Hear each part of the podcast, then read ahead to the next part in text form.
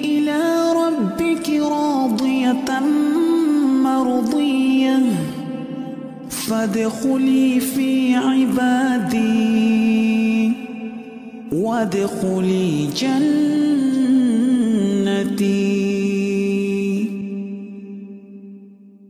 Baik, tanpa berpanjang kalam, mana persilahkan kepada Ustaz Zuna, Ustaz Dr. Sofian Baswedan, Eh, SMA untuk melanjutkan kajian pada pagi hari ini.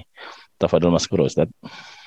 Eh, Bismillahirrahmanirrahim. Assalamualaikum warahmatullahi wabarakatuh. Waalaikumsalam Alhamdulillah ya لله على إحسانه والشكر له على توفيقه وامتنانه أشهد أن لا إله إلا la وحده lah. Da'i ila الداعي إلى anna muhammadan أشهد أن لا إله إلا الله وحده لا شريك له تعظيما لشأنه وأشهد أن محمدا عبده ورسوله الداعي إلى رضوانه صلى الله عليه وعلى آله وصحبه وإخوانه أما بعد Ya, ikhwani wa akhwati. Hari ini kita akan membahas secara global surah Al-Qari'ah yang termasuk salah satu surah Makkiyah, artinya turun sebelum hijrahnya Nabi Shallallahu Alaihi Wasallam. Di surah Al-Qari'ah ini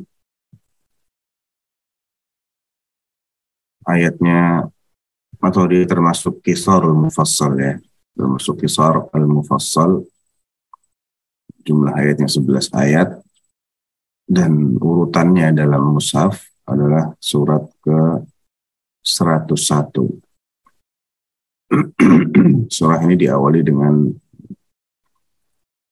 menyebutkan salah satu nama dari hari kiamat yaitu Al-Qari'ah dan uniknya dalam surah ini nama Allah hanya disebutkan satu kali. Ya, nama Allah hanya disebutkan satu kali sebagai nanti akan kita baca langsung.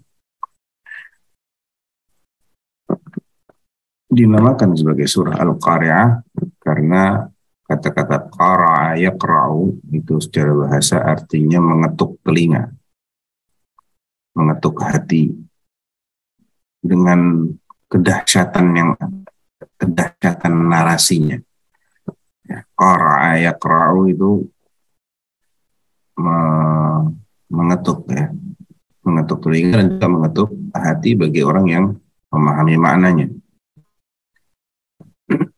dan ini akan kita jadikan sebagai mukadimah apa saja makna-makna yang diungkapkan oleh surah yang pendek namun padat ini.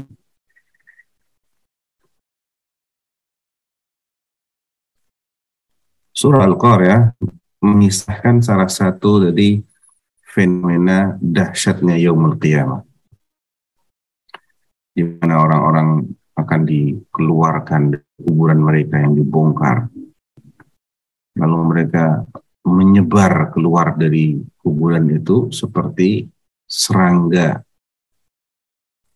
uh, rayap yang bertebang berterbangan di berbagai penjuru ya seakan-akan mereka keluar ini tidak jelas ke mana arahnya.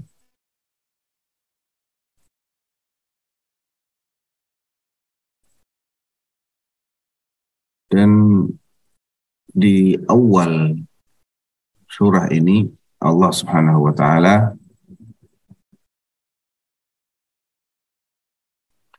me menyentakkan kita, mengetuk telinga kita dengan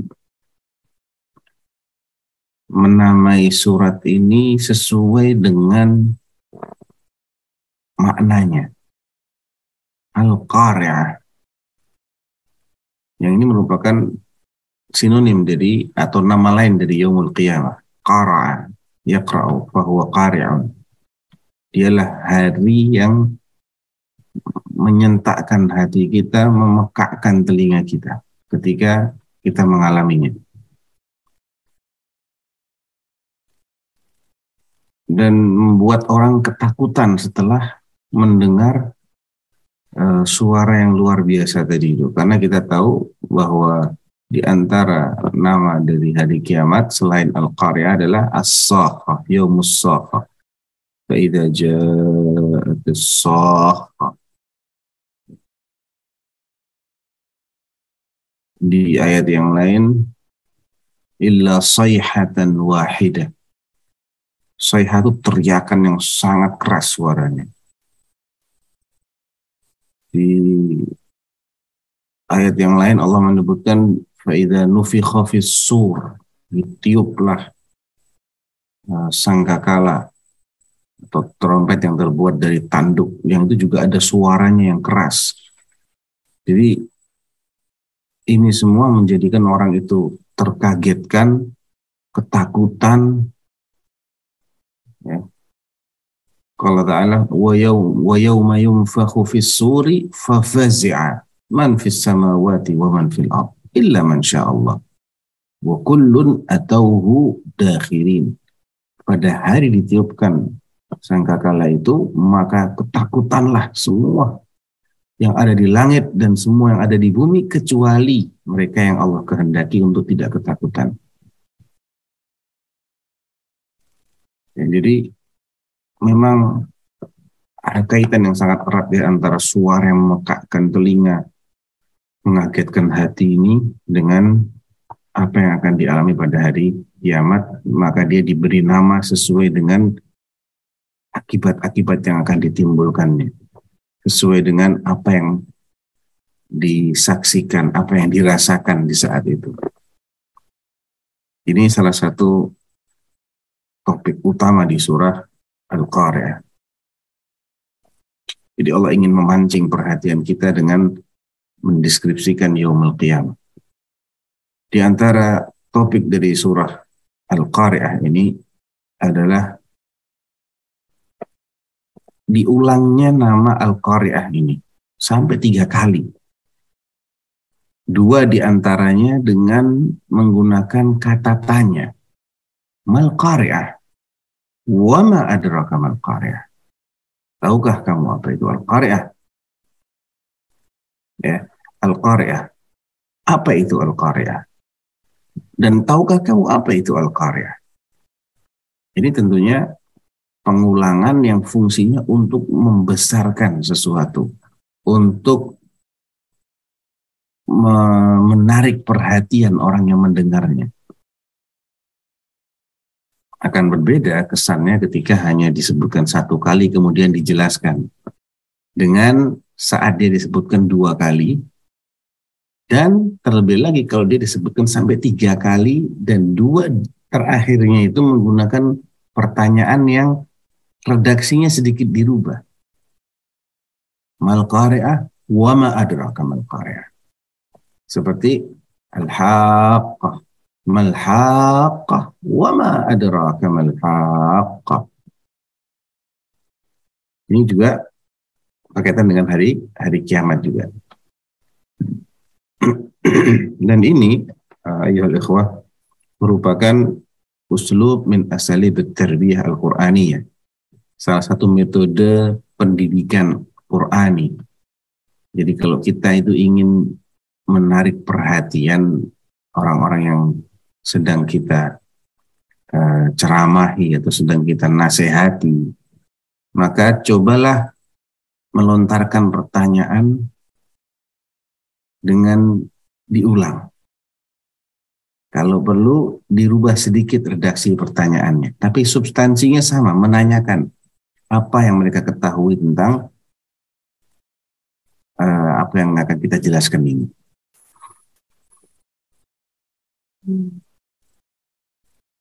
Baik.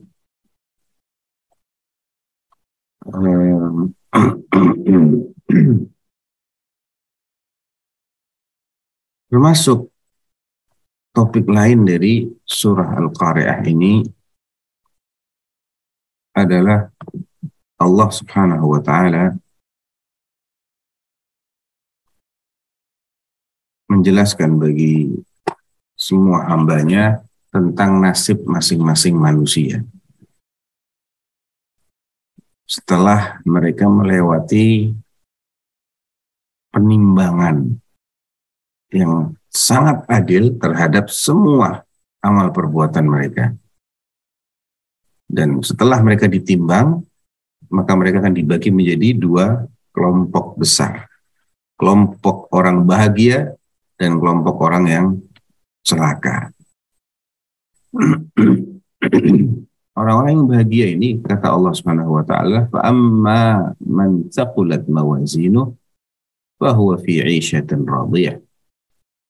Secara garis besar, orang-orang yang berat timbangan kebajikannya melebihi timbangan dosanya, maka mereka akan berada dalam kehidupan yang menyenangkan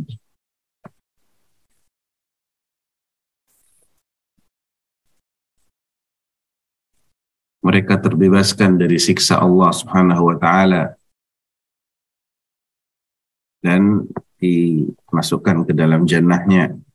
Wa amma man khaffat mawazinu fa ummuhu hawiyah. Adapun yang ringan timbangan kebaikannya dibandingkan dosanya sedikit amal solehnya dan banyak amalan-amalan yang akan membinasakannya atau akan menyebabkannya sengsara, ya dia akan terjerumus dalam hawiyah. Hawiyah itu hawa yahwi, tempat yang dalam, yang apa ya istilahnya orang kalau jatuh itu ya menyeramkan sekali. Karena memang jahanam itu memiliki sifat-sifat sangat dalam sekali. Dasarnya itu kalau di tidak dicapai maka batu besar dijatuhkan selama 70 tahun itu baru mencapai dasarnya.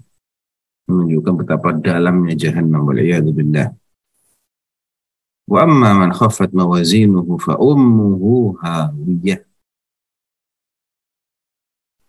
Ada di antara mereka yang ringan timbangan amalnya ini yang suatu saat akan dikeluarkan, namun ada juga yang tidak akan dikeluarkan.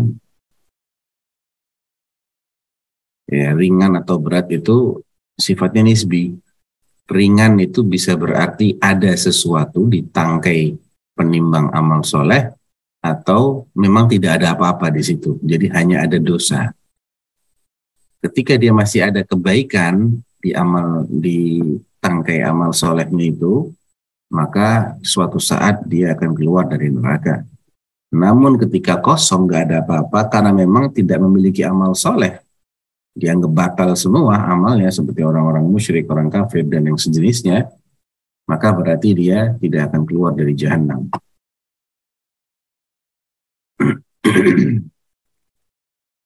Kemudian di akhir surah ini Allah juga ingin menjelaskan apa itu hawiyah dengan membuat pertanyaan lagi, dengan me melontarkan pertanyaan untuk memancing perhatian. Wa man khaffat mawazinuhu fa ummuhu hawiyah adraka ma hiya. Ya. Tahukah kamu apa itu dia? Hawiyah itu. Ya, di sini aslinya itu wa ma adraka ma hiya, tapi ditambahi huruf ha yang namanya ha usakt ha untuk ngerem ya untuk mendiam jadi untuk berhenti wama adraka ma hiya narun hamiyah dan itu ada dalam beberapa ayat ya contohnya la adri ya laitani lam uta kitabiyah walam adri ma hisabiyah itu dua-duanya ada hausak juga. Ya laitani lam uta kitabi. Aslinya begitu. Walam adri ma hisabi.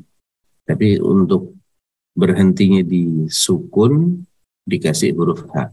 Dan huruf sebelumnya itu di fathah. Ya laitani lam uta kitabiyah. Walam adri ma hisabiyah.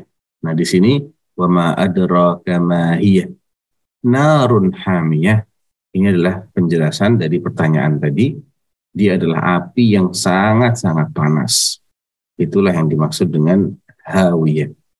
Karena ketika seseorang mendengar pertama kali hawiyah, dia tidak akan memiliki bayangan yang jelas. Apa maksudnya hawiyah? Tempat yang dalam ini. Ada apa di sana? Apa yang perlu ditakutkan dari tempat ini? Maka Allah jelaskan, wa ma adraka narun hamiyah. Itu api yang sangat panas. Itu secara garis besar topik-topik yang dibahas dalam surah Al-Qari'ah. Pertanyaan yang sering muncul, adakah surah ini memiliki fadilah khusus? Dan ini mesti kita tekankan ya, supaya kita tahu ada nggak fadilah khusus, keutamaan tertentu, keistimewaan tertentu yang dimiliki oleh surah Al-Qari'ah Jawabnya tidak ada selain dia adalah bagian dari Al-Quran. Kalau ada hadis yang menjelaskan fadilahnya begini, begitu, begini, begitu, maka itu hadisnya tidak valid. Di antaranya ada yang lafadznya begini, Man qara'a surat al-qari'ah, saqqalallahu mizanahu. Siapa membaca surah Al-Qari'ah, Allah akan menjadikan timbangannya berat. Timbangan amal solehnya berat. Ya, ini hadis yang tidak benar. Hadis ini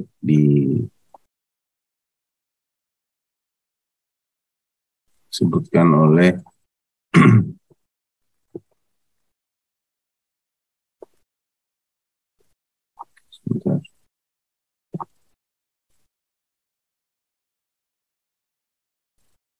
Hadis ini disebutkan oleh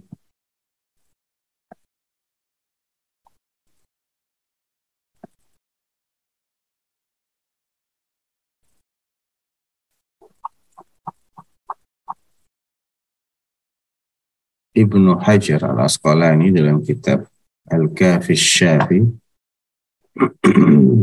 dan beliau menyatakannya sebagai hadis maudhu. Ya, Ibnu Hajar menghukuminya sebagai hadis yang palsu. Jadi kalau ada hadis yang mengatakan siapa yang membaca surat Al-Qari'ah maka Allah akan menjadikan timbangan amal baiknya itu berat, itu adalah hadis yang palsu. Kita harus waspadai. Itu bukan sabdanya Nabi Shallallahu Alaihi Wasallam.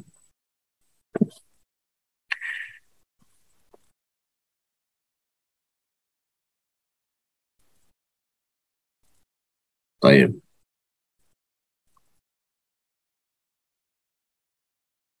Jadi keutamaan yang dimiliki oleh surah ini adalah keutamaan yang dimiliki oleh surah-surah Al-Quran secara umum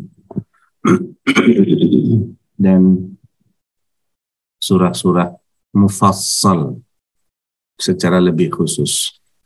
Nah, apa keutamaan surah Al-Mufassal? Surat Al-Mufassal ini adalah surah yang tidak pernah ada padanannya dalam kitab-kitab yang turun sebelum ini. Ya, sebelum Al-Quran Allah menurunkan beberapa uh, kitab tentunya ya di antaranya adalah kitab Zabur, kitab Taurat, kitab Injil. Nah, dari masing-masing kitab ini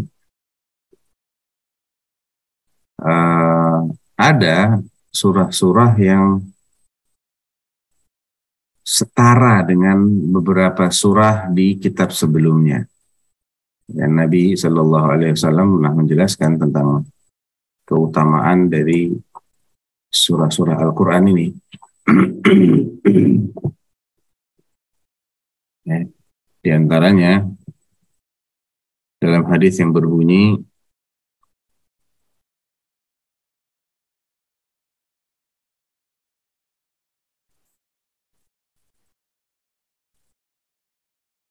uh,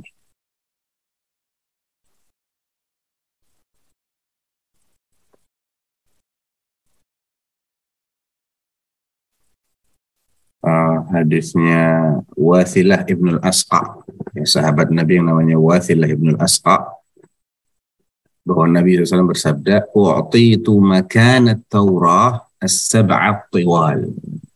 aku diberi surah yang setara dengan kitab Taurat. Surah-surah apakah itu? Adalah tujuh surat terpanjang dalam Al-Quran. Ya, As-Sab'ut Tiwal ini adalah tujuh surat terpanjang dalam Al-Quran. Ya, selain Al-Fatihah, maka surat-surat yang ada itu, tujuh surat berikutnya itu adalah termasuk surat terpanjang dalam Al-Quran. Jadi tujuh surat terpanjang ini setara dengan Taurat wa makana zaburi al-mi'in. Sedangkan surah-surah yang setara dengan kitab Zabur adalah surah yang jumlah ayatnya itu sekitar seratusan. Namanya al-mi'in. Mi'in itu jamak dari mi'ah. Mi'un atau mi'in. wa makana al-injil al-mathani. Sedangkan surat al-mathani itu setara dengan Injil.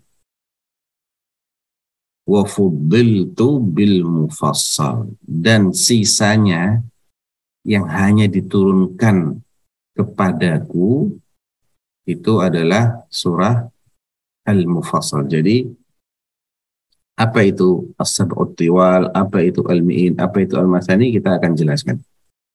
Intinya di sini adalah bahwa surah-surah Al-Mufassal yang itu dimulai dari surah Qaf sampai selesai.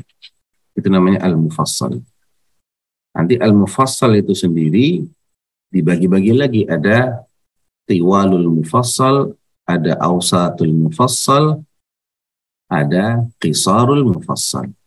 Ada mufassal panjang, sedang, dan ada yang pendek. Tapi itu semuanya dikatakan sebagai atau dikategorikan sebagai al-mufassal yang jumlah ayatnya kurang dari 100 sampai sebelum surat Qaf itu namanya Al-Mathani. Ya, Al-Mathani. Yang jumlah ayatnya sekitaran 100 tapi tidak sampai sepanjang As-Sab'ut itu namanya Al-Mi'in. Sedangkan As-Sab'ut itu adalah dari surah Al-Baqarah sampai surah At-Taubah termasuk di situ Al-Anfal. Jadi Al-Anfal itu dianggap sebagai bagian dari surah At-Taubah. Karena memang Allah tidak memisahkan dengan basmalah antara surah Al-Anfal dengan surah At-Taubah itu kan tidak ada Bismillahirrahmanirrahim. Coba cek di mushaf, semua mushaf tadi tidak tidak mencantumkan Bismillahirrahmanirrahim selesai Al-Anfal langsung surat Taubah, nggak pakai bismillah langsung ayatnya atau minallah. Jadi Al-Baqarah, Al-Imran, An-Nisa, Al-Maidah, Al-An'am, Al-A'raf, sama Al-Anfal dan At-Taubah yang ketujuh. Yang dianggap sebagai satu kesatuan. Itu namanya Al-Mi'in. Setelah At-Taubah namanya Al-Mi'in itu adalah yang ayatnya sekitaran 100 atau lebih sedikit. Ada yang menghitung juga At-Taubah masuk ke dalam Al-Mi'in. Ya, memasukkan surah At-Taubah ke dalam Al-Mi'in. Hud, Yusuf, An-Nahl, Al-Isra, Al-Kahfi, Taha, Al-Anbiya, Al-Mu'minun, Asy-Syu'ara dan As-Safat. Ini dianggap sebagai Al-Mi'in. At-Taubah, Hud, Yusuf, An-Nahl, Al-Isra, Al-Kahfi, Taha, Al-Anbiya, Al-Mu'minun, Asy-Syu'ara, As-Safat. Ada sebelas surat ya. Kemudian Al-Mathani, yaitu yang kurang dari 100 tapi tidak masuk kategori mufassal. Ya. Ya, semua surat selain yang masuk kategori as-sab'ut dan masuk kategori al-mi'in dan masuk kategori al-mufassal. Semua surat yang tidak masuk kategori satu di antara tiga ini maka dia termasuk al-mathani yang paling banyak ini al-mathani atau mungkin al-mufassal. Al-mufassal yang paling banyak. Ya karena surat Qaf itu surat nomor 50 dan jumlah surat dalam Al-Quran adalah 114 berarti dia sekitar 115 surat. Eh, 55 surat. Apaan 50 enggak 65 surat masuk kategori Al-Mufassal kemudian 7 masuk kategori Sab'ut atau 8 11 masuk kategori Al-Mi'in. Kalau kita tambahkan 65 ditambah 7 72 ditambah 11 83 ya. Al-Quran 114 surat. Berarti sisanya itu 31 itu adalah masuk kategori Al-Masani ya, Al-Masani itu masuk. Al-Fatihah sendiri termasuk Al-Masani karena dia bukan termasuk Al-Mufassal dan dia punya nama lain Sab'un minal Masani tujuh ayat yang diulang-ulang. Jadi ada kelebihan dari surat Al-Mufassal ini karena dia adalah hanya diturunkan kepada Nabi Rasulullah SAW dan tidak punya padanan pada kitab Taurat maupun kitab Injil maupun kitab Zabur. Wa fuddiltu bil mufassal. Ya, fuddiltu bi al mufassal.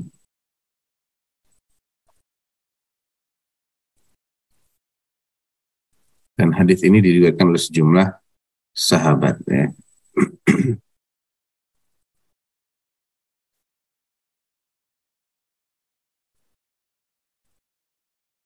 Baik.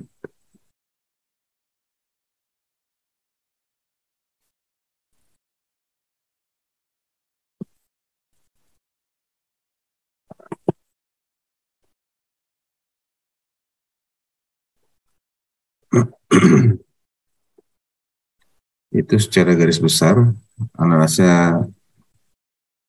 uh, kita langsung masuk aja ke tafsir Syekh Sa'di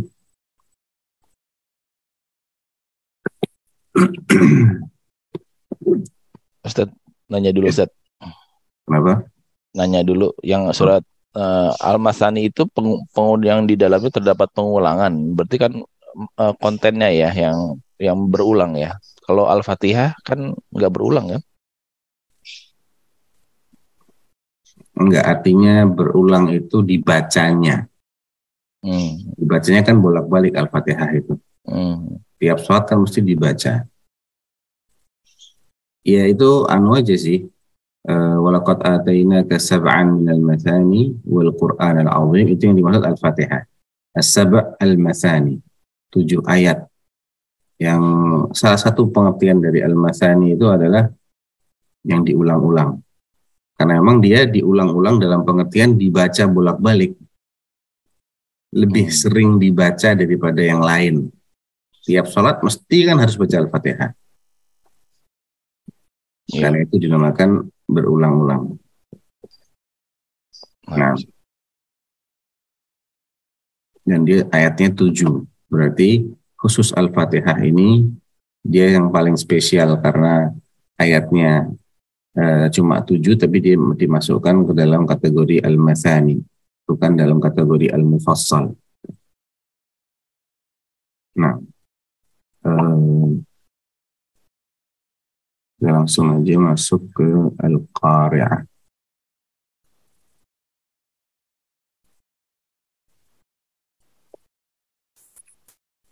Kalau Syekh Sa'di dalam tafsirnya setelah beliau mengutip surah ini secara utuh, kita baca dulu surahnya. A'udzubillahi minasyaitonirrajim. Bismillahirrahmanirrahim. Al-qari'atu mal-qari'ah. وما أدراك ما القارعة؟ يوم يكون الناس كالفراش المبثوث وتكون الجبال كالعهن المنفوش فأما من ثقلت موازينه فهو في عيشة راضية. وأما من خفت موازينه فأمه هاوية. وما أدراك ما هي نار حامية. Ya ada 11 ayat.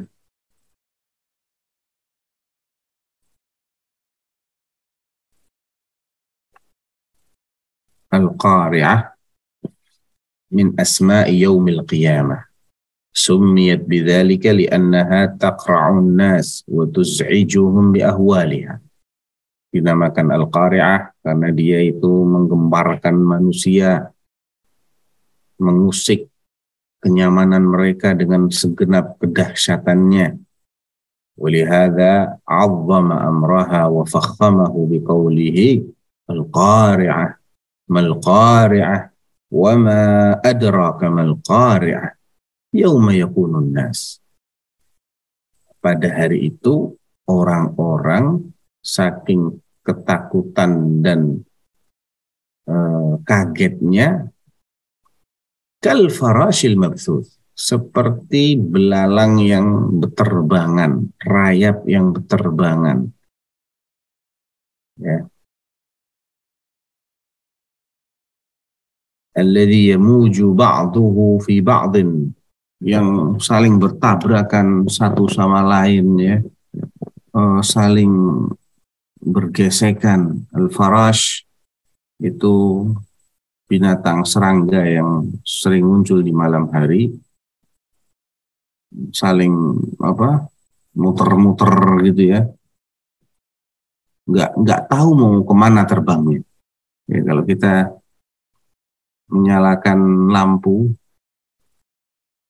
di kebun gitu ya pasti kan dikelilingi oleh apa itu yaitu aneh-aneh itu serangga kecil-kecil yang muter-muter aja ini mau ke mana ini mereka terbang ya kira-kira seperti itulah gambaran dari kekalutan manusia pada saat terjadinya hari kiamat. Pertama-tama mereka mendengar sangkakala kemudian kaget itu mereka kalut seperti itu al yang berterbangan ke berbagai arah yang tidak jelas arahnya itu. وتكون الجبال كالعهن المنفوش uh, sebelum ke sana uh, wal farash al hayawanat allati takunu fil lail yamuju ba'daha bi ba'd la tadri ayna tawajjah fa idza أوقد لها نار تهافتت إليها لضعف إدراكها ketika seseorang menyalakan api unggun maka serangga-serangga yang berterbangan nggak jelas arahnya ini akan pada masuk ke situ saking lemahnya pengetahuan dia saking lemahnya kepekaan dia terhadap sesuatu yang bahaya justru yang bahaya itu malah dia serbu. Ya. Kalau sekarang orang tidak pakai api, tapi pakai itu yang neon listrik itu ya, yang bisa nyetrum. Intinya dia akan diserbu oleh serangga yang terbang di malam hari yang tidak jelas arahnya itu. Dan ini menunjukkan fahadihi halun nasi ahli al-uqul wa ammal jibalus summus silab fatakunu kal'ihnil manfush. Kondisi manusia yang berakal itu digambarkan saking dahsyatnya hari kiamat seperti serangga di malam hari yang bertubi-tubi masuk eh, kalang kabut dan seandainya ada api dinyalakan dia akan menyerbu api itu saking nggak jelasnya arahnya itu yang dirasakan oleh mereka yang masih punya akal. Adapun makhluk-makhluk Allah yang notabene adalah benda mati, yang besar-besar, yang kokoh itu, bagaimana uh, nasib mereka? Gunung misalnya, watakunul jibalu kal'ihnil manfush. Gunung-gunung pada saat terjadinya hari kiamat itu menjadi seperti al-ihn. Al-ihn itu adalah uh, bulu domba. Ya, domba, kambing itu kambing domba dicukur bulunya, kemudian di ditiup oleh angin yang kencang, ambiar. Ya. Jadi gunung yang kokoh, yang perkasa itu ambiar seperti bulu domba yang dihempaskan dengan angin kecil aja sudah betar bertaburan ke mana-mana. Ya. Makanya di ayat yang lain Allah mengatakan watarul jibala tahsabuha jamidah wa hiya tamurru marrasahab.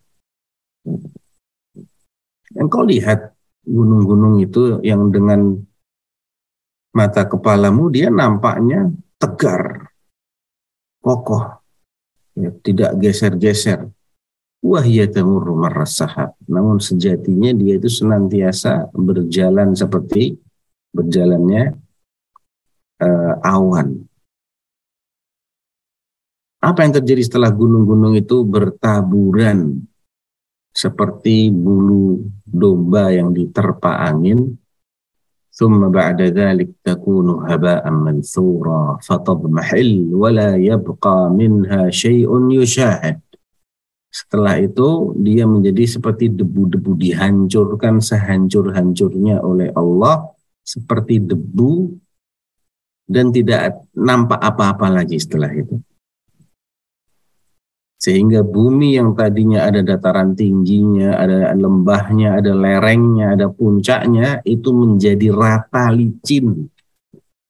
Makanya dalam ayat yang lain di surat Taha kalau nggak salah Allah mengatakan وَيَسْأَلُونَكَ عَنِ الْجِبَالِ فَقُلْ يَنْسِفُهَا رَبِّي نَسْفًا Mereka bertanya kepadamu tentang gunung-gunung itu, maka jawablah, Tuhanku akan menghancurkannya sehancur-hancurnya fayadharuha qa'an safsafa. Kemudian setelah dia itu hancur, yang tersisa adalah dataran yang yang datar, nggak ada apa-apanya lagi. La tara fiha iwajan wala amta, nggak ada yang tinggi, nggak ada yang rendah. Rata. Nah, setelah itu barulah Allah meletakkan timbangan-timbangan, memasang timbangan-timbangan. Allah berfirman, wa wa wudi'a apa namanya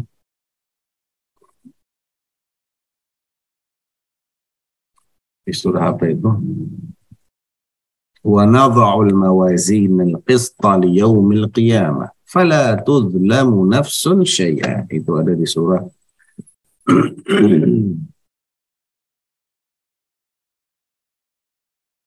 di surah mawazin al-qista Al-Anbiya ayat 47. Coba dok. Surat ke-21 ayat 47. ونضع الموازين القسط ليوم القيامة فلا تظلم نفس شيئا وإن كان مثقال حبة من خردل أتينا بها وكفى بنا حاسبين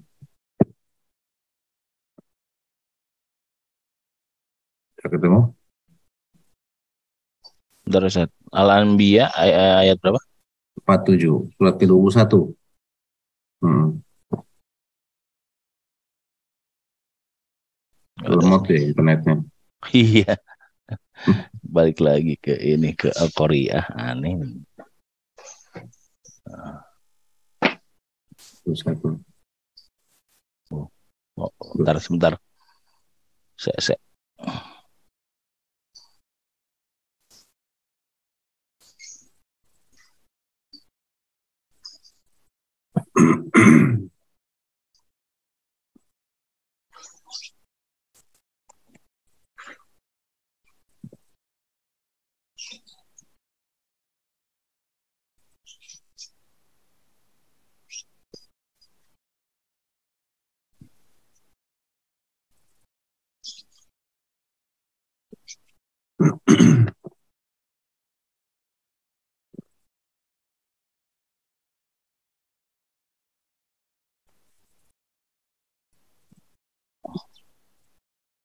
kok nggak bisa balik ya kembali ke Korea lagi nih Ayo.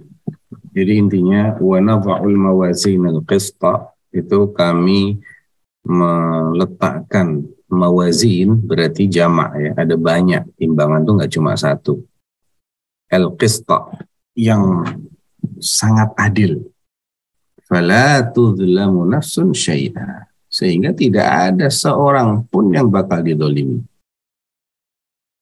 Ya, dalam tafsirnya Syekh Asadi ya dalam tafsirnya mengatakan yukhbir ta'ala an hukmihil adl wa qada'ihil qist in ibadihi idza jama'ahum fi yaumil qiyamah. Allah menceritakan bagaimana keputusan Allah dan fonisnya itu adil melalui timbangan yang akan menimbang mereka saat mereka dikumpulkan pada hari kiamat. Wa annahu yadha'u lahumul mawazin al-'adilah allati yubayyin fiha mathaqil dzar Yang timbangan ini akan menjelaskan berat amal perbuatan mereka yang sekecil apa pun.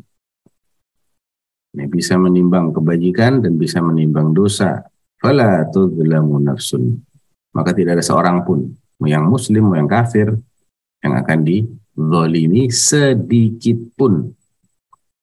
Kezoliman ini seperti mengurangi amal kebaikan mereka atau menambah dosa mereka. Tidak ada yang akan ditambah dosanya, tidak ada yang akan dikurangi kebaikannya. Ya sudah itu yang tercatat. Ketika mereka di dunia itu yang tercatat. فإن كان من فإن كان مثقال وإن كان مثقال حبة من خردل أتينا بها وكفى بنا حاسبين jadi seandainya dia masih memiliki satu kebaikan walaupun itu sekecil makhluk terkecil sekalipun yang nggak ada nggak dipandang oleh mata saking kecilnya begitu diremehkan tetap Allah akan hadirkan. Ataina biha mau kebajikan maupun dosa. Wa bina hasibin. Dan cukuplah kami yang menghitung cukup akurat hitungan kami. Nah, udah ketemu ya. Coba dok. Ya, dan kami akan memasang timbangan yang tepat pada hari kiamat, maka tidak seorang pun dirugikan walau sedikit, sekalipun hanya seberat biji sawi. Pasti kami mendatangkannya pahala dan cukuplah kami yang membuat perhitungan. Cukuplah kami membuat perhitungan. Ya, biji sawi ini hanyalah umpama saja ya. Pokoknya kecil. Bukan pembatasan. Artinya kalau lebih kecil lagi nggak ditimbang, tetap ditimbang sama Allah. Ya. Karena ada ayat yang lain, mithqala dzarrah. Dzarrah itu kecil banget dzarrah itu. Intinya eh, Allah Subhanahu wa taala setelah menghancurkan gunung-gunung, itu akan meletakkan timbangan-timbangan. Al-mawazin al-qista ya yang punya um, dua tangkai. Tangkai kebajikan tangkai untuk menimbang kebajikan dan tangkai untuk menimbang dosa. Dan ada lisannya. Lisan itu ya adanya jarumnya itu ya. Kalau lebih berat yang kebajikan akan di atas. Sebaliknya begitu kalau sama ya dia akan sejajar.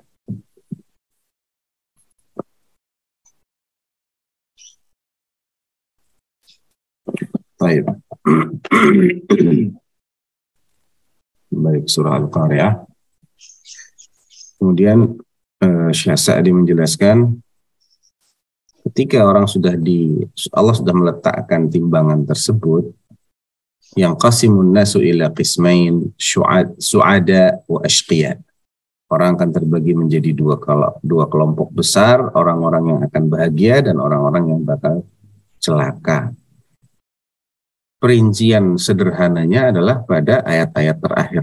Amma man thaqulat mawazinu. Ya. Maka orang-orang yang berat timbangan kebajikannya. Sakulat mawazinu. Berat timbangan-timbangan kebajikannya. Bahwa fi aisyatin radiyah. Maka dia mendapatkan kehidupan yang akan menyenangkannya. Lebih berat baiknya daripada dosanya maka dia akan dimasukkan ke dalam jannah. Dan ini tidak berarti langsung ya dimasukkan ke dalam jannah itu juga ada mekanismenya setelah dosa-dosanya dibersihkan.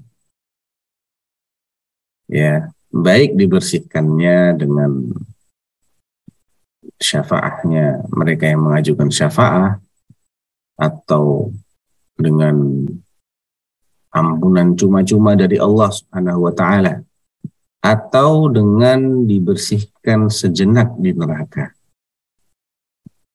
Fa'amma man thaqulat mawazinuhu fahuwa fi 'ishatin radiyah. Tidak harus langsung ya, karena yang langsung itu ada syarat-syaratnya dan dia di sini kalau masih ada dosa berarti belum memenuhi syarat untuk langsung masuk ke jannah. Wa amma man khaffat adapun dia yang sedikit kebajikannya, lebih banyak dosanya, fa ummuhu. Artinya tempat kembalinya. Makanya dibilang um, ibu. Itu dibilang um karena biasanya anak-anak itu kalau ada apa-apa dia datengin ibunya, induknya. Jadi neraka itu juga dibilang um li'annahu menjadi tempat tujuannya orang-orang yang durjana itu. Fa ummuhu hawiyah. Eh, tempat yang akan ditujunya. Amma ya ummu itu artinya dia menuju. Au aminal masjidil haram. Atau orang-orang yang menuju masjidil haram. Au aminal baital haram. Jadi amma ya ummu fahuwa ummun. Wahiyya ummun itu artinya yang menjadi tempat tujuan. Neraka itu dibilang ummuhu hawiyah. Al-hawiyah dari kata-kata yang dalam gitu ya. Jatuh ke, ke, kepada kedalaman yang cukup dalam. Itu sama salah satu nama lain atau sinonim dari jahanam, dari neraka. Dan dia dinamai al-um, ibu karena dia akan menjadi tempat tinggal abadinya orang-orang kafir. Terus akan nempel di situ, nggak akan lepas. Ya, seperti induk dan anaknya. Nggak lepas. Kama qala ta'ala, inna adabaha kana gharama. Ya. Walahum adabun wasib. Wasib itu juga yang terus-terusan. Nggak lepas kullama nadijat juluduhum baddalnahum juludan ghairaha liyadzuqul azab. Tiap kulit mereka itu gosong, kami ganti baru agar terus merasakan siksaan. Nauzubillah. Ada yang mengatakan ummuhu hawiyah artinya adalah ummu dimaghihi ya otaknya ini akan jatuh dulu terjerumus ke dalam neraka. Ya, jadi dia tuh jatuh dengan kepalanya di bawah. Bukan jatuh kepala di atas, tapi jatuh kepala di di bawah. Nyungsep istilahnya ya. Fa ummuhu hawiyah ay ummu ra'sihi eh, tahwi finnar kepalanya itu akan jatuh duluan ke dasar neraka. Na'udzubillah. Wa ma adraka. Tahukah kamu apa itu? Al-hawiyah itu. Dan ini pertanyaan untuk menggambarkan sesuatu yang besar. Lalu Allah menafsirkan sendiri, narun hamiyah. Yaitu api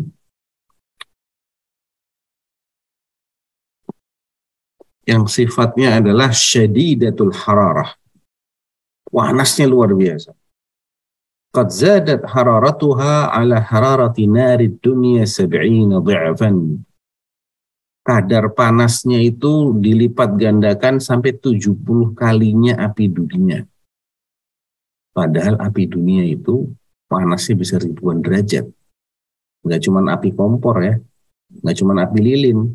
Termasuk api dunia adalah api yang bisa melebur besi itu api dunia ya, api yang dihasilkan oleh bom-bom termobarik, bom nuklir, itu juga api dunia.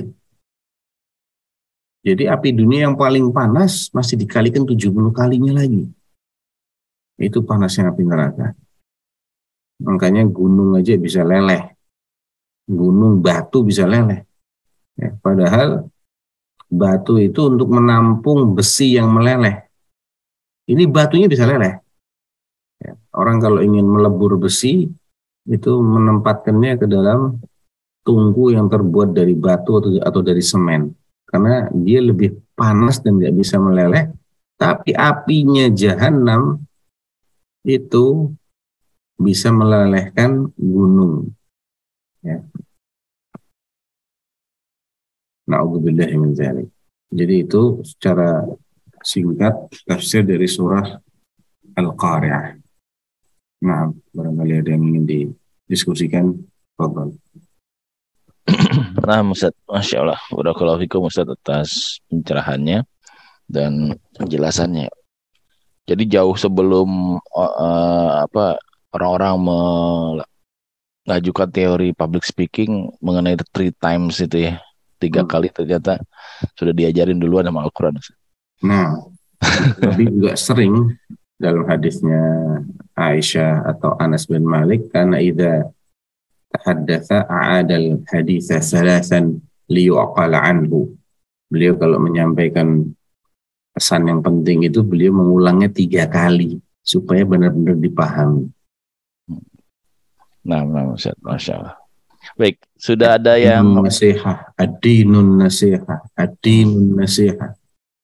Itu kan orang langsung anu tuh konsen itu. Ada iya, iya. kok tiga kali diulang ini. Nah, hmm. Oke, ini udah ada yang resen nih. Uh, ah Faizul Ahmad, Tafadol. Bertanya secara langsung.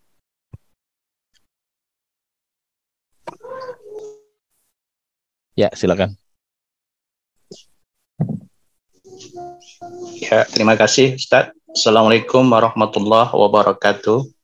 Waalaikumsalam warahmatullahi wabarakatuh. Alhamdulillah ketemu kembali ya di forum ini. Saya ikuti sudah dua kali ya. Hmm. Uh, pertama, saya kepingin minta penjelasan nih dari Ustadz tentang kalimat-kalimat yang kalau di bahasa Arab kaidahnya itu Ustadz kalau dia kata benda pakai tamar butoh, kata kerja pakai tah tahnis. Apakah ini menunjukkan kesamaan dalam sesuatu kedasatannya dalam pemaknaan Ustadz? Karena saya juga dengar kaji itu kota Mabuto itu kan luar biasa tuh ya. Kita barangkali yang nggak merasa dasar ya. Kalau orang Arab juga yang beriman baru dasar. Kalau nggak beriman ya nggak dasar juga. Redaksi Allah ini biasa-biasa aja di telinga yang tidak mencoba untuk memahaminya Ustadz ya. Nah pengulangan seperti kata yang tadi tiga kali kan luar biasa. Cuman saya lihat tadi juga untuk umum cuman satu yang amma beda sama umum ternyata ya. Ustadznya saya lihat tadi ya. Yeah. umum khusus bu amma beda lagi ya. Alhamdulillah nih nih karena kaji kita ini saya buka-buka sedikit untuk bisa paham terus ya kan Nah, memahami tentang kata umum yang Allah letakkan di dalam neraka ini kan tidak sembarangan nih Ustadz ya. Tentunya takut kita ya, takut kalau kita memahami lebih dalam lagi bagaimana seorang ya ini umum kan ibu pengertiannya ya memeluk ya memeluk ya. Memeluk meng, tidak akan melepaskan sayang dan sebagainya ya. Artinya hmm. kalau di dalam neraka itu kan nggak tanggung tanggung seperti nggak mau terlepas gitu ya. Yeah. sedangkan di surga tidak ada permantakan umum gitu ya. Nah ini kan kalau kita gali-gali lagi Nah, kapan lepasnya dari neraka kalau udah seperti ibu sama anak sampai mana pun nggak akan berlepas ya. Kalau di dunia meninggal pun masih masih masih ingat mengingatkan ya Ustadz ya. Kecuali dua-dua meninggal barangkali ya. Nah ini barangkali mohon pendalaman kembali Ustadz, mohon dibantu Ustadz. Saya kembalikan, terima kasih. Assalamualaikum warahmatullahi wabarakatuh. Waalaikumsalam warahmatullahi wabarakatuh. Masya Allah. Pikirnya sampai begitu Ustaz. Masya Allah. Ustaz fa ummuhu hawiyah. Silakan Ustaz. Iya. Jadi untuk bisa memaknai ayat Al-Quran, kita harus sandingkan dengan ayat-ayat yang satu bab dengan ayat ini. Kita sandingkan juga dengan hadis-hadis yang satu bab dengan ayat-ayat yang akan kita gali maknanya itu apa supaya tidak uh, memiliki pemahaman yang parsial. Nah, sekarang Akan pinjam screennya dulu. Ada sebuah uh, situs yang cukup baik untuk mencari tahu apa makna dari kosakata dalam bahasa Arab.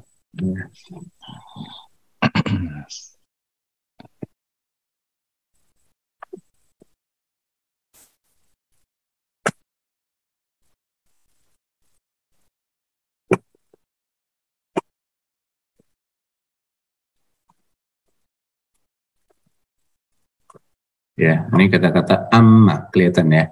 Amma. Fiilnya ya ummu, mudhari'nya ya ummu.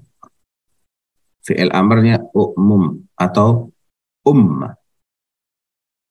Amma ya ummu. Amman fahuwa am wal maf'ul ma'mum. Am wa ma'mum.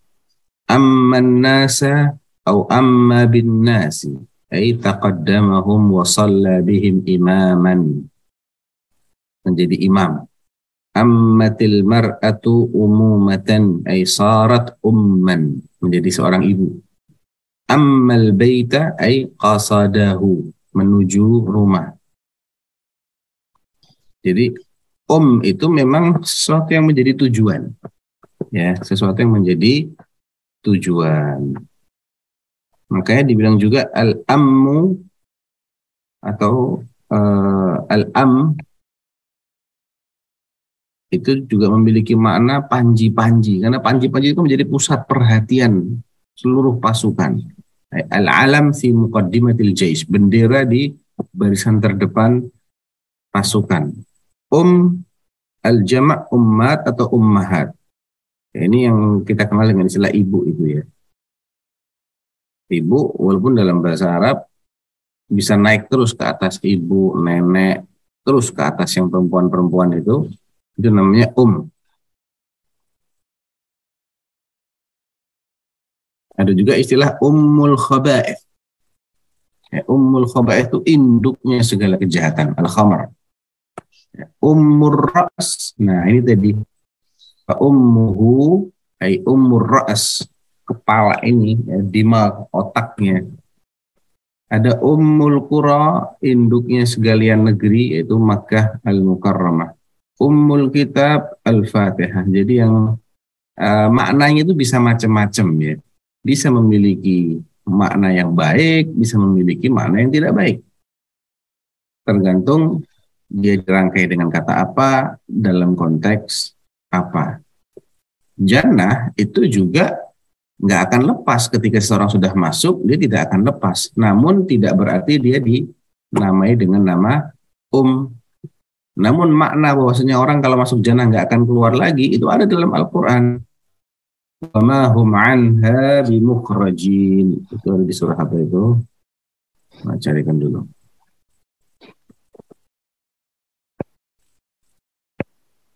Al-Hijr ayat 48, surah ke-15 ayat 48. Coba ya, cek. Sebentar. Ya, untuk ambil alih screen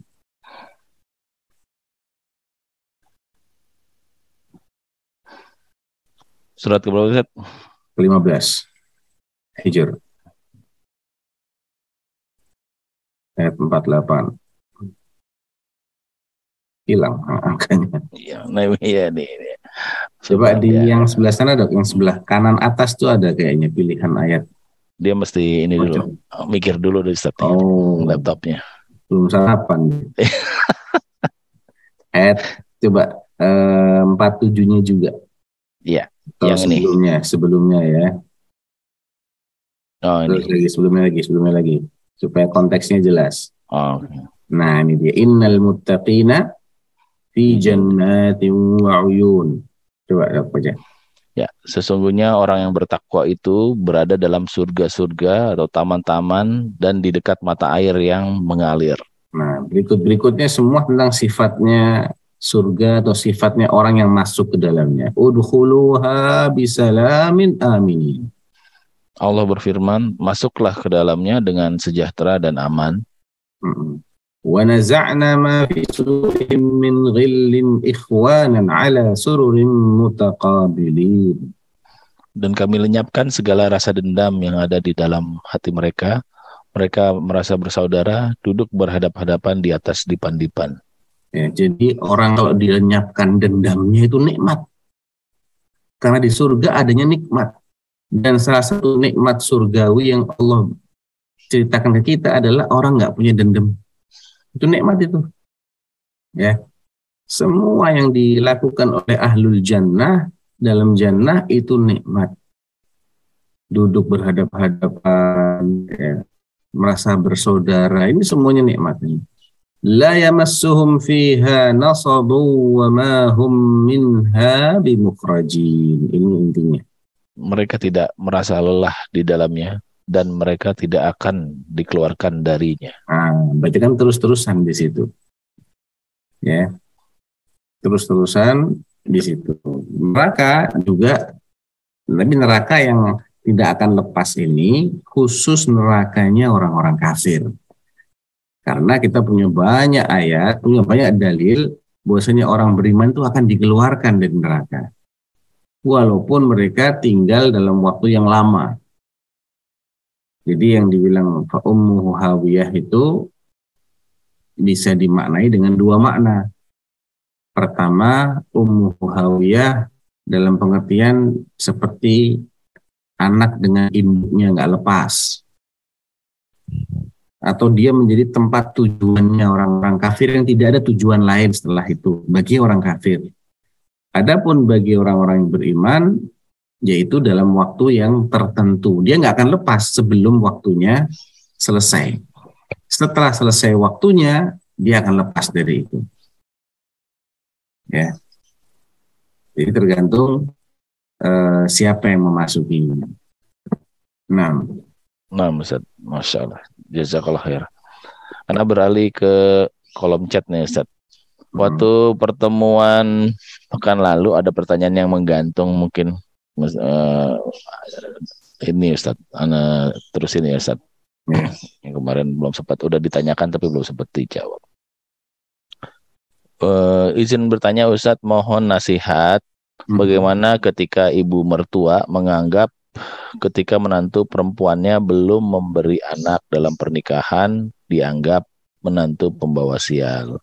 Lalu Hmm. kata-kata beliau sering menyakiti hati ketika bertemu dan Hmm. menantu tidak mau menyampaikan ke suami karena takut akan ada masalah antara ibu dan anaknya.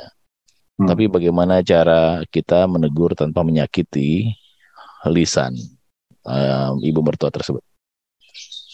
Ya, jelas itu ucapan itu adalah ucapan yang keliru ya. Ucapan yang terucap dari orang-orang yang imannya itu lemah. Karena yang memberikan anak itu Allah Subhanahu wa taala. Allah bukan manusia yang memberikan anak.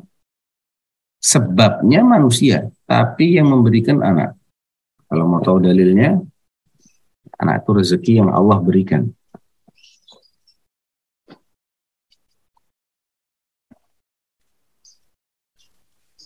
eh, Asyura surat ke-42 ayat 49.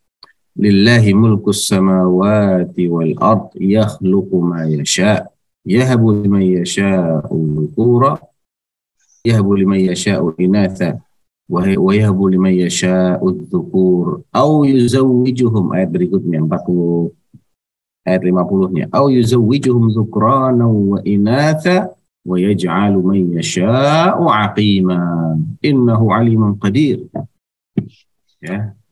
Milik Allah lah kerajaan langit dan bumi. Dia menciptakan apa yang dia kehendaki.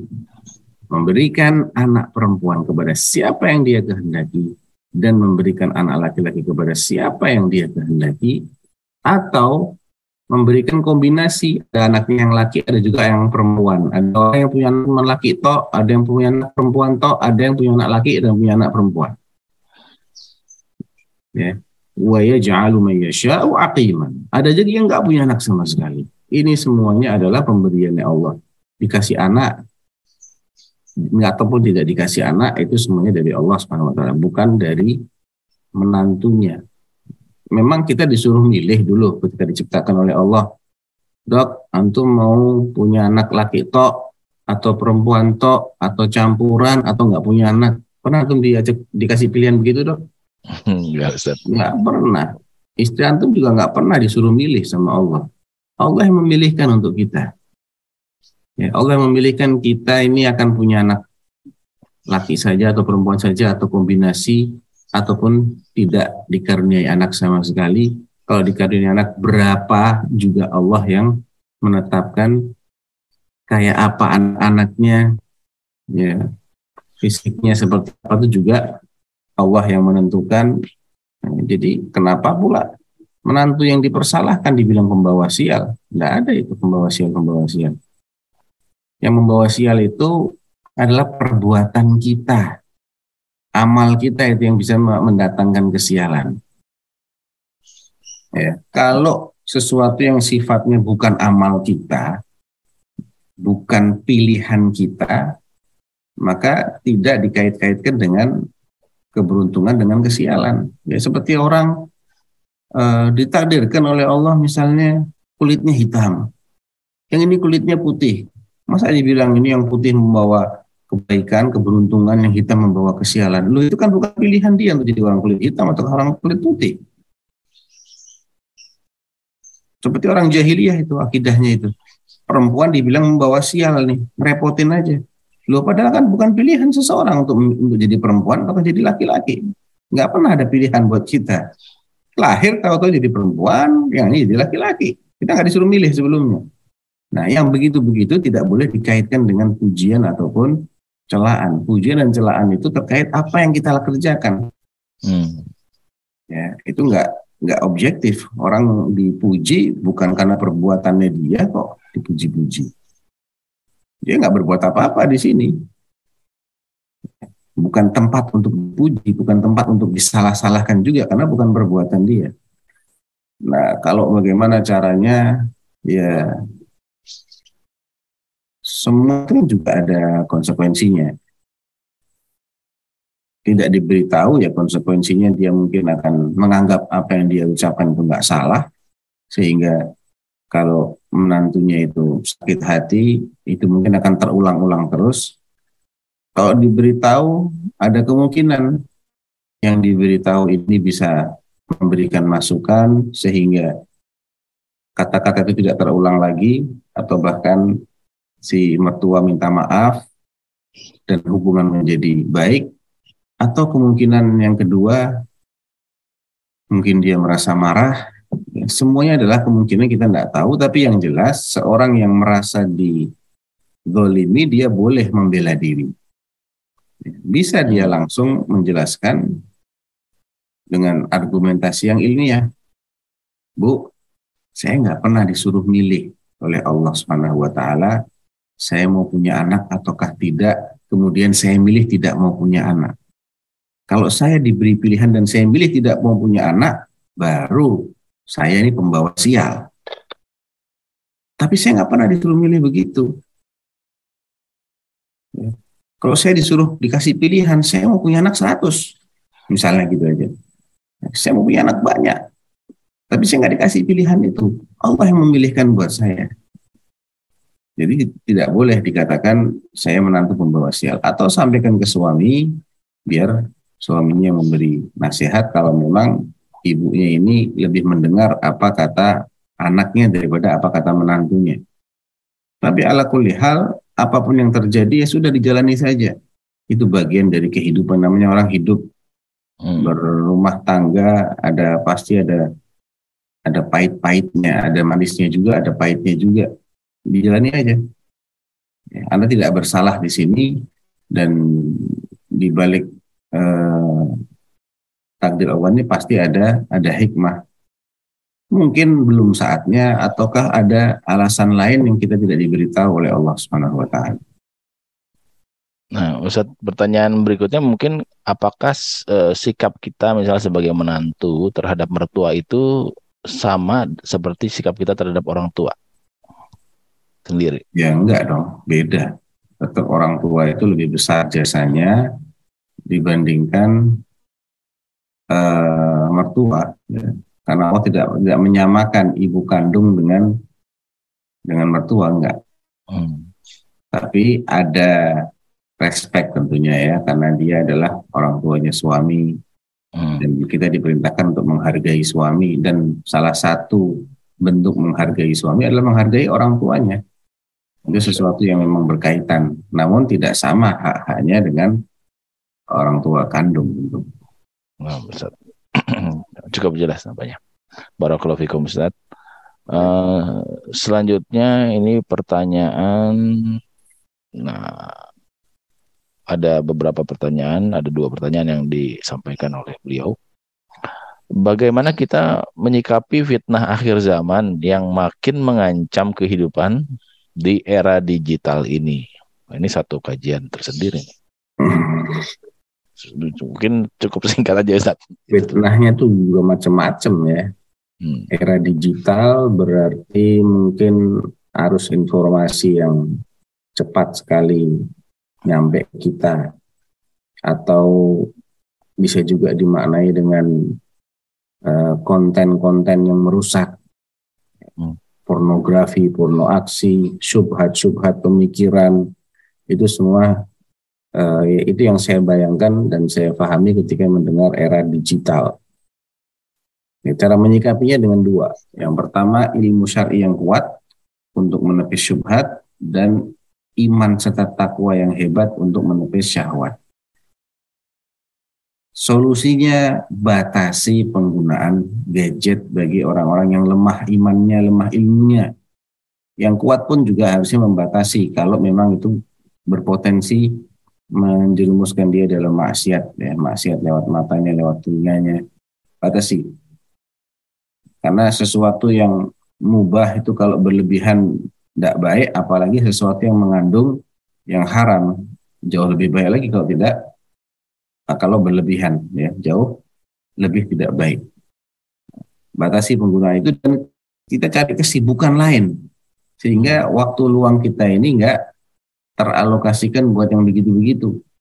Cari kesibukan, baca buku kah, baca Quran, baca kitab, baca uh, zikir-zikir, ya atau sholat atau apalah pekerjaan-pekerjaan lain yang mengurangi keterkaitan kita dengan sumber-sumber informasi yang mengandung fitnah tadi. Ya kan yang masih jomblo misalnya takut kena fitnah syahwat ya segera menikah sehingga dia punya pelampiasan yang halal. Nah, nah Ustaz misalnya ada yang mengkritisi nih kehidupan pesantren yang dia nggak pakai nggak diperkenankan untuk menggunakan handphone ya pada saat mereka dalam pendidikan itu. Hmm. kritik mereka adalah uh, artinya mereka tidak kan ada dua sisi ya di dalam uh, era digital ini sisi baik dan sisi buruk ya. Dengan memblok uh, penggunaan handphone semasa kehidupan di pesantren itu maka dia uh, apa namanya tidak terupgrade di sisi-sisi baiknya justru. Bagaimana pandangan Ustaz mengenai hal tersebut? Ustaz? Ya, perlu kita ketahui bahwa yang menentukan baik dan buruk itu uh, bisa subjektif ya. Ada kalanya orang melihat dari sisi yang menurut dia baik dan menurut dia itu perlu. Tapi kan menurut dia Nah, sejauh apa dia memahami urgensi atau sejauh mana apa yang dia anggap baik itu memang benar-benar baik pengaruhnya bagi anak-anak dan yang dibahas di sini bukan satu dua anak tapi satu pesantren. Hmm. Apa yang mungkin 100 orang, 200, 300 sampai ribuan orang itu diberi perlakuan yang sama padahal mereka beda-beda. Ini kan fakta individu itu beda-beda. Ada yang dia bisa memilih-milih mana yang baik dia ambil, yang jelek dia nggak ambil. Ada yang bisa begitu. Tapi kebanyakan kayak apa? Ya. Yeah. Kebanyakan nggak bisa milih-milih. Kebanyakan itu hawa nafsunya lebih dominan daripada ilmu dan ketakwaannya. Itu mayoritas manusia begitu. Dan mereka tinggal di satu tempat yang sama. Kalau dibikin peraturan sama, kemungkinannya semua nggak boleh pegang HP di masa belajar saat mereka di pesantren, atau semuanya boleh pegang HP. Kalau sebagian boleh, sebagian enggak, mereka kata, kenapa fulan boleh, saya enggak boleh. Hmm. Kalau alasannya ketakwaan, Anda kan nggak tahu ketakwaannya si fulan itu seperti apa. Anda lihat hatinya kayak apa. Anda awasin terus 24 jam, dia nggak pakai untuk yang maksiat. Kan nggak bisa dibikin peraturan seperti itu. Itu akan menimbulkan masalah baru, kecemburuan. Nah, jadi ini kayaknya yang ngeritisi bukan orang pesantren, nggak pernah di pesantren dia. dia belajarnya di kampus-kampus dan nggak tahu mungkin juga nggak pernah masuk kampus juga barangkali ya. Jadi dia tidak punya gambaran yang jelas bagaimana cara mengelola banyak orang yang ada di satu tempat. Kemudian bagaimana caranya kita bisa memilah-milah, mereka cuma dapat yang baik saja. Ada sebuah pesantren yang berusaha untuk membatasi akses. Tadinya mereka pakai gadget, pakai tab, supaya buku-bukunya itu nggak usah dibawa berupa buku tebel-tebel bolak-balik gitu ya. Jadi cukup diakses di ruang kelas itu ada wifi-nya, kemudian dia bisa buka PDF-nya, tinggal ganti pelajaran, buka pelajaran A, B, C, D, dan uh, bukan iPad ya, tapi tabletnya itu di, dikasih enkripsi atau apa, pokoknya dia nggak bisa main buat browsing nggak bisa. Dijebol juga dok, Hmm. Pinter tuh anak-anak itu. Ada aja tuh ilmunya. Akhirnya kembali ke, ke cara jadul. Tadinya kita mau pakai cara canggih, nggak berhasil. Pakai ada yang diinstali game ini, game itu. Jadi tiap hari di razia tuh dibukain, loh ada game ini, ada game itu. Hmm. Akhirnya nggak bisa memang. Ya, kita mau canggih, tapi setannya lebih canggih lagi. Jadi ya tetap yang manfaat yang ada itu harus dikorbankan demi menghindari madarat yang lebih besar. Dan itu adalah konsep syar'i. Hmm. sangat sangat syar'i. Siapa bilang khamar dan judi nggak ada manfaatnya? Allah bilang ada manfaatnya. Yas'alunaka anil khamri wal maisir kul fihima ithmun kabirun wa manafi' linnas. Hmm. manafi' ada manfaatnya. Kenapa diharamin? Wa ithmuhuma akbaru. Min naf'ihima. Hmm. Dosa yang ditimbulkan melalui khamar dan perjudian itu jauh lebih besar daripada manfaatnya. Manfaatnya apa khamar? Bikin badan anget. Ketika musim dingin orang minum khamar anget badannya karena ada alkoholnya. Judi ya kalau menang jadi kaya dia. Tapi dosa yang ditimbulkan jauh lebih, jauh lebih besar karena dia minum khamar hilang akalnya, dia zina, dia bunuh, dia menuduh zina, dan macam-macam. Karena dia kalah berjudi, dendam, dia bisa habisi itu lawan-lawan judinya. Atau dia akan nggak puas, dia akan judi lagi yang kedua. Saya harus menang, kalah lagi, judi lagi, kalah lagi, bangkrutlah dia. Berantakan rumah tangga itu kan yang, yang terjadi kan begitu. Hmm. Karena lebih banyak madorotnya maka dilarang sama, sama syariat. Hmm, Ustaz. Masya Allah. Jazakallah khair. Pertanyaan berikutnya tentang fikih nih Ustaz. Ketika kita sedang dalam perjalanan di atas kendaraan, lalu masuk waktu sholat, dan dikhawatirkan tiba di rumah sudah habis waktunya, apa yang harus kita lakukan Ustaz? Kalau ada kekhawatiran memang akan habis waktunya, eh, sebaiknya kita tunggu dulu kan ada awal waktu sholat, ada akhir waktu sholat. Kan nggak satu tok waktu sholat itu seberapa jam sudah harus selesai kan nggak. Kalau ini orang tadi berangkat, kemudian masuk waktu. Dia nggak tahu, saya sampai rumah sebelum waktu ini selesai ataukah dia sudah lewat. Tunggu dulu, jangan tergesa-gesa. Karena posisi dia di sini adalah posisi yang kalau dia paksakan sholat, maka sholatnya nggak akan sempurna dia nggak bisa ruku dan sujud dengan sempurna. Ya, menghadap kiblatnya juga nggak sempurna. Ya mungkin juga nggak bisa wudhu di situ. Saya nggak tahu kondisinya seperti apa. Maka tunggu dulu sampai memang wah ya ini masih jauh nih perjalanan waktu tinggal cukup untuk sholat eh, hasil dengan estimasi yang lebih lebih akurat lah ya karena waktu sholatnya tinggal sedikit dan jarak perjalanan masih jauh, rest area juga masih jauh, misalnya dia nggak mungkin untuk turun, baru ketika itu dia sholat di atas kendaraan. Hmm. Nah, Ustaz, Masya Allah. Ustaz, jam 7 masih ada beberapa pertanyaan lagi. Mau kira-kira sampai jam berapa Ustaz punya waktu? Ya, 7 lebih 10 nggak apa-apa lah. Nah, Ustaz. Baik, pertanyaan berikutnya Ustaz. Uh, apakah orang yang sudah meninggal juga merasakan kedahsyatan hari kiamat? Jazakallah khair Ustaz. Kan dibangkitkan semua ya. Tapi beda kedahsyatannya dengan orang-orang kafir yang menyaksikan hari kiamat dan dia dalam keadaan hidup itu hanya orang kafir. Hmm. Ya, kemudian setelah itu dia mati, hidupkan lagi. Sedangkan orang-orang beriman dia menyaksikan ketika dibangkitkan dari kuburnya. Adapun sebelum itu tidak menyaksikan. Allah akan wafatkan dulu sebelum uh, hari kiamat itu terjadi. Allah akan wafatkan dulu. Jadi dia dibangkitkan dari kubur ini semua orang mengalami. Dikumpulkan di padang mahsyar, kemudian dalam keadaan telanjang, tak beralas kaki, tak berkhitan itu semua orang. Kemudian orang-orang beriman akan diberi pakaian oleh Allah taala. Yang pertama kali diberi pakaian adalah Ibrahim alaihissalatu wassalam atau nabi kita dulu saya lupa ya riwayatnya. Walhasil dua nabi ini adalah yang pertama-tama diberi pakaian, kemudian orang-orang beriman secara eh, berkesinambungan gitu. Hmm. Nah, Ustaz. Nah, Ustaz. Barakallahu Ini ada pertanyaan tentang bidadari nih, saya duluin aja ya. Dikatakan saat di surga kita dilayani oleh bidadari, Ustaz. Bukankah dalam Al-Quran ada ayat yang menjelaskan kita dipasangkan dengan yang berasal dari jenis kita sendiri atau manusia? Apakah bidadari berasal dari jenis yang berbeda atau jenis manusia? Afan mohon pencerahan dan penjelasannya. Semoga Ustaz diberkahi Allah Subhanahu wa taala. Amin. Baik. Uh, Anda nggak tahu jawaban pastinya ya. Tapi yang jelas uh, istri-istri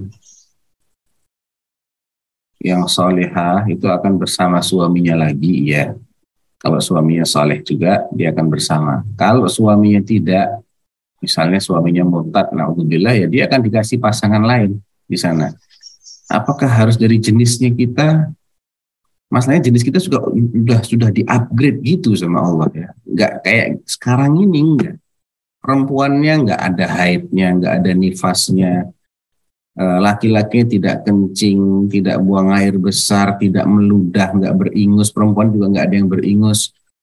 Makan dan minum itu cuma jadi keringat saja. Sekret itu cuma keringat.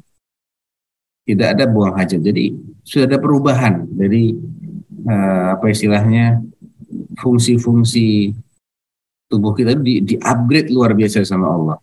Muda terus nggak tua-tua. Mana ada di dunia orang kayak gini? Kan nggak ada. Mesti ada tahapannya. Kemudian kekuatannya juga dilipat gandakan oleh Allah. Jadi jangan dibayangkan bidadari ini makhluk jenis lain yang mungkin nggak cocok, nggak ada. Pokoknya enak saja udah udah nggak usah mikir deh bidadari dari apa. Masuk surga udah ya, alhamdulillah gitu loh. Aneh-aneh banget pertanyaannya. Masya bingung, nggak tahu juga anda dari apa bidadarinya. ya. Insya Allah selalu memuaskan kan Rodiah ya Ustaz ya. Iya. ya. nah, nah Ustaz. Nah, berikutnya pertanyaan, apakah orang yang melupakan dosanya ketika di dunia terus nggak bertobat hingga meninggal akan dibalas di neraka kelak atau tergantung hasil timbangan amalnya? Orang yang melupakan dosanya. Ya, jadi dia nggak bertobat, terlupa hmm. aja tapi mungkin nggak nggak melakukan lagi ya maksudnya ya hingga meninggal uh, terus uh, apakah dibalas langsung di neraka atau dia tergantung hasil timbangan amalnya tadi beratan mana Ustaz?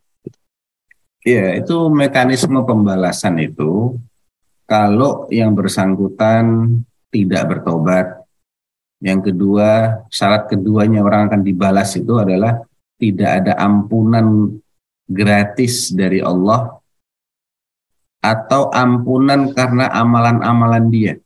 kan ada amalan-amalan yang bisa menggugurkan dosa. Sayyi'atal hasanata.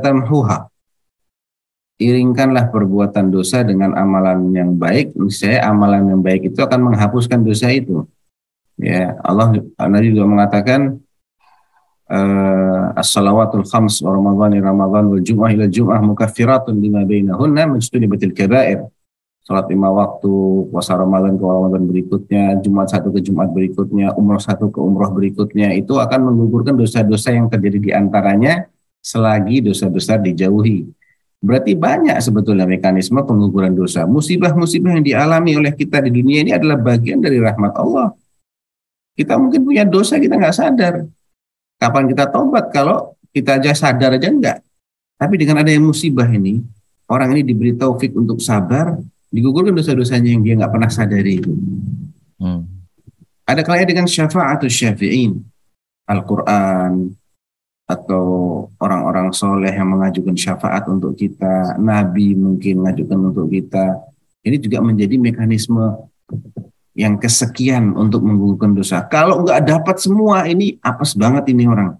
Tobat kagak, amal soleh yang banyak yang bisa menggugurkan dosa juga nggak ada kemudian syafaat gak dapet, dikasih musibah gak pernah sabar menggerutu terus sehingga tidak menggugurkan dosa-dosa musibahnya dia. Ini kan orang apes banget ini. Barulah dia dapat ngampuran gratis dari Allah Subhanahu wa taala. Gimana tauhidnya?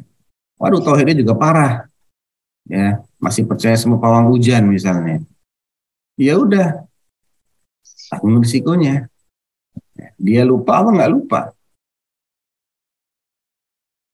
Ya ma wa wa uh, wa wudi'a al-kitab fatara al-mujrimina mushfiqina mimma fihi wa yaquluna ya waylatana ma li hadha al-kitab la yughadiru saghiratan wala kabiratan illa ahsaha itu di surah al-kahfi ya wa wajadu ma amilu hadira al-kahfi ayat 49 wala yadhlimu rabbuka ahada Al-Kahfi 49.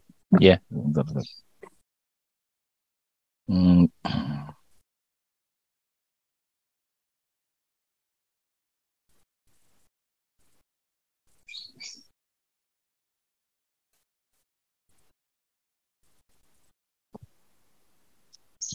Ini Ustaz. Hmm dan diletakkanlah kitab catatan amal lalu engkau akan melihat orang yang berdosa merasa ketakutan terhadap apa yang tertulis di dalamnya. Dan mereka berkata betapa celaka kami kitab apakah ini? Tidak ada yang tertinggal yang kecil dan yang besar melainkan tercatat semuanya. Dan mereka dapati semua apa yang telah mereka kerjakan tertulis dan Tuhanmu tidak menzolimi seorang juga pun.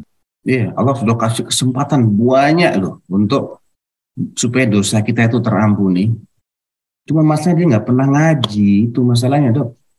Hmm.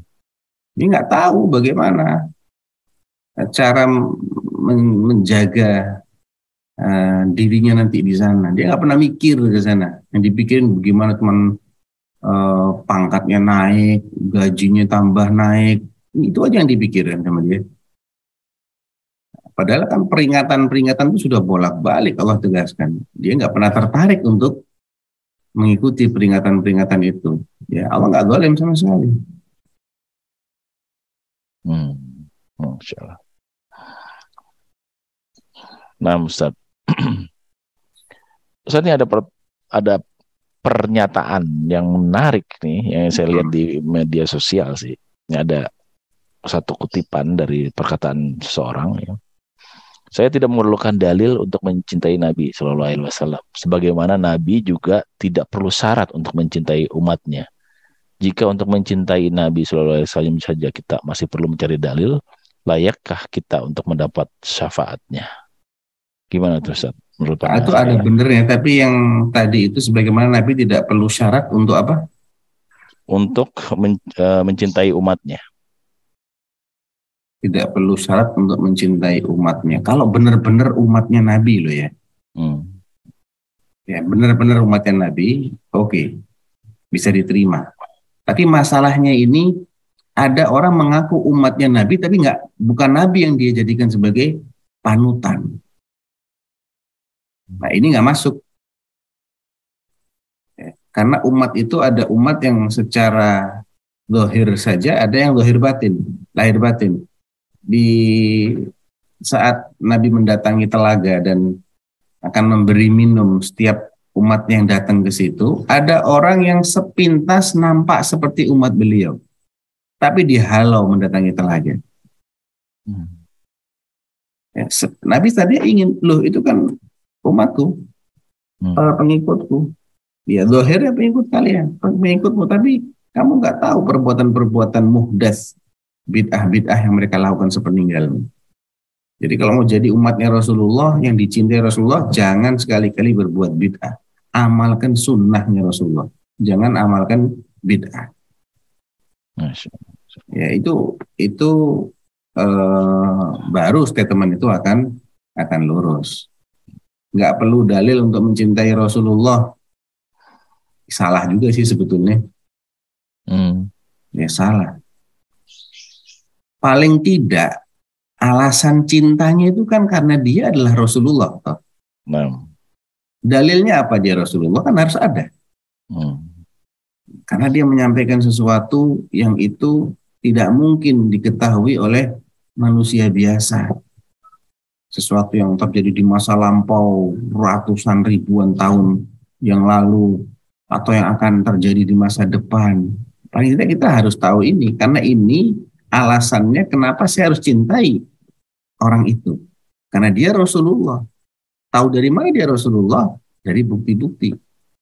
Al-Quran, dari sunnah, dari sirah beliau seperti apa. Paling tidak kan itu dalilnya. Setelah kita tahu dia Rasulullah, kalau kita orang yang beriman, otomatis kita harus cinta kepada Rasulullah. Hmm. Tapi kalau eh, dikatakan dia tidak perlu dalil untuk mencintai Rasulullah, berarti ini hanya pas dikatakan untuk orang yang memang benar-benar beriman kepada Nabi SAW dan meyakini beliau sebagai Rasul. Adapun orang secara umum, dia perlu dalil. Kadang nggak percaya kok itu Rasulullah malah dimusuhi kan juga ada. Ini hanya untuk orang beriman saja dan eh, apa bagian keduanya itu Nabi tidak perlu syarat untuk mencintai umatnya ini kalau benar-benar umatnya yang ngikutin sunnah beliau. Adapun yang yang tidak begitu maka bisa jadi Nabi tidak mencintai mereka. Maka dalam lanjutan hadis itu ketika diberitahu oleh Allah mereka ini banyak berbuat muhdas bid'ah sepeninggalmu Nabi justru mengutuk mereka fasuhqan suhqa ya udah Hmm. jauh sana menjauh sana Masya nah Jadi artinya kecintaan kita terhadap Nabi itu tidak dapat dilepaskan dari kecintaan kita terhadap Allah dulu ya Ustaz ya. Baru kemudian karena dia Rasulullah, eh, beliau Rasulullah yang Allah memerintahkan kita untuk mencintai beliau baru kita cinta itu. Iya, ya dua-duanya saling berkaitan memang. Kita mengimani Allah juga modalnya dari apa yang Nabi ajarkan kan. Nabi mengajarkan kita bahwasanya Allah itu sifat-sifatnya begini begini, Allah. begini. Allah itu maunya kita begini, Allah itu nggak senang kita begini. Jadi sebetulnya langkah pertama untuk menjadi seorang mukmin yang baik itu dia harus koreksi, dia harus pastikan iman dia kepada Rasulullah itu baik dan benar. Hmm. Karena beliau kuncinya yang ngajarin kita tentang Allah, malaikat, kitab-kitab, hari kiamat, dan takdir, serta nabi-nabi juga. Semuanya sumbernya adalah dari apa yang disampaikan oleh Rasulullah, baik berupa Al-Quran ataupun berupa hadis. Hmm. Jadi kalau imannya kepada Rasulullah ini masih bermasalah, itu nanti akan menjadikan imannya dia kepada yang lain-lain pasti bermasalah. Karena ini gerbangnya. Hmm. Baik Ustaz. Dapat bonus 5 menit dari Ustaz dari waktu yang Iya. disebutkan. Jazakallah khairan kasihan Ustaz atas pencerahannya dan waktunya eh, di pagi hari ini. ارجعي إلى ربك راضية مرضية فادخلي في عبادي وادخلي جنتي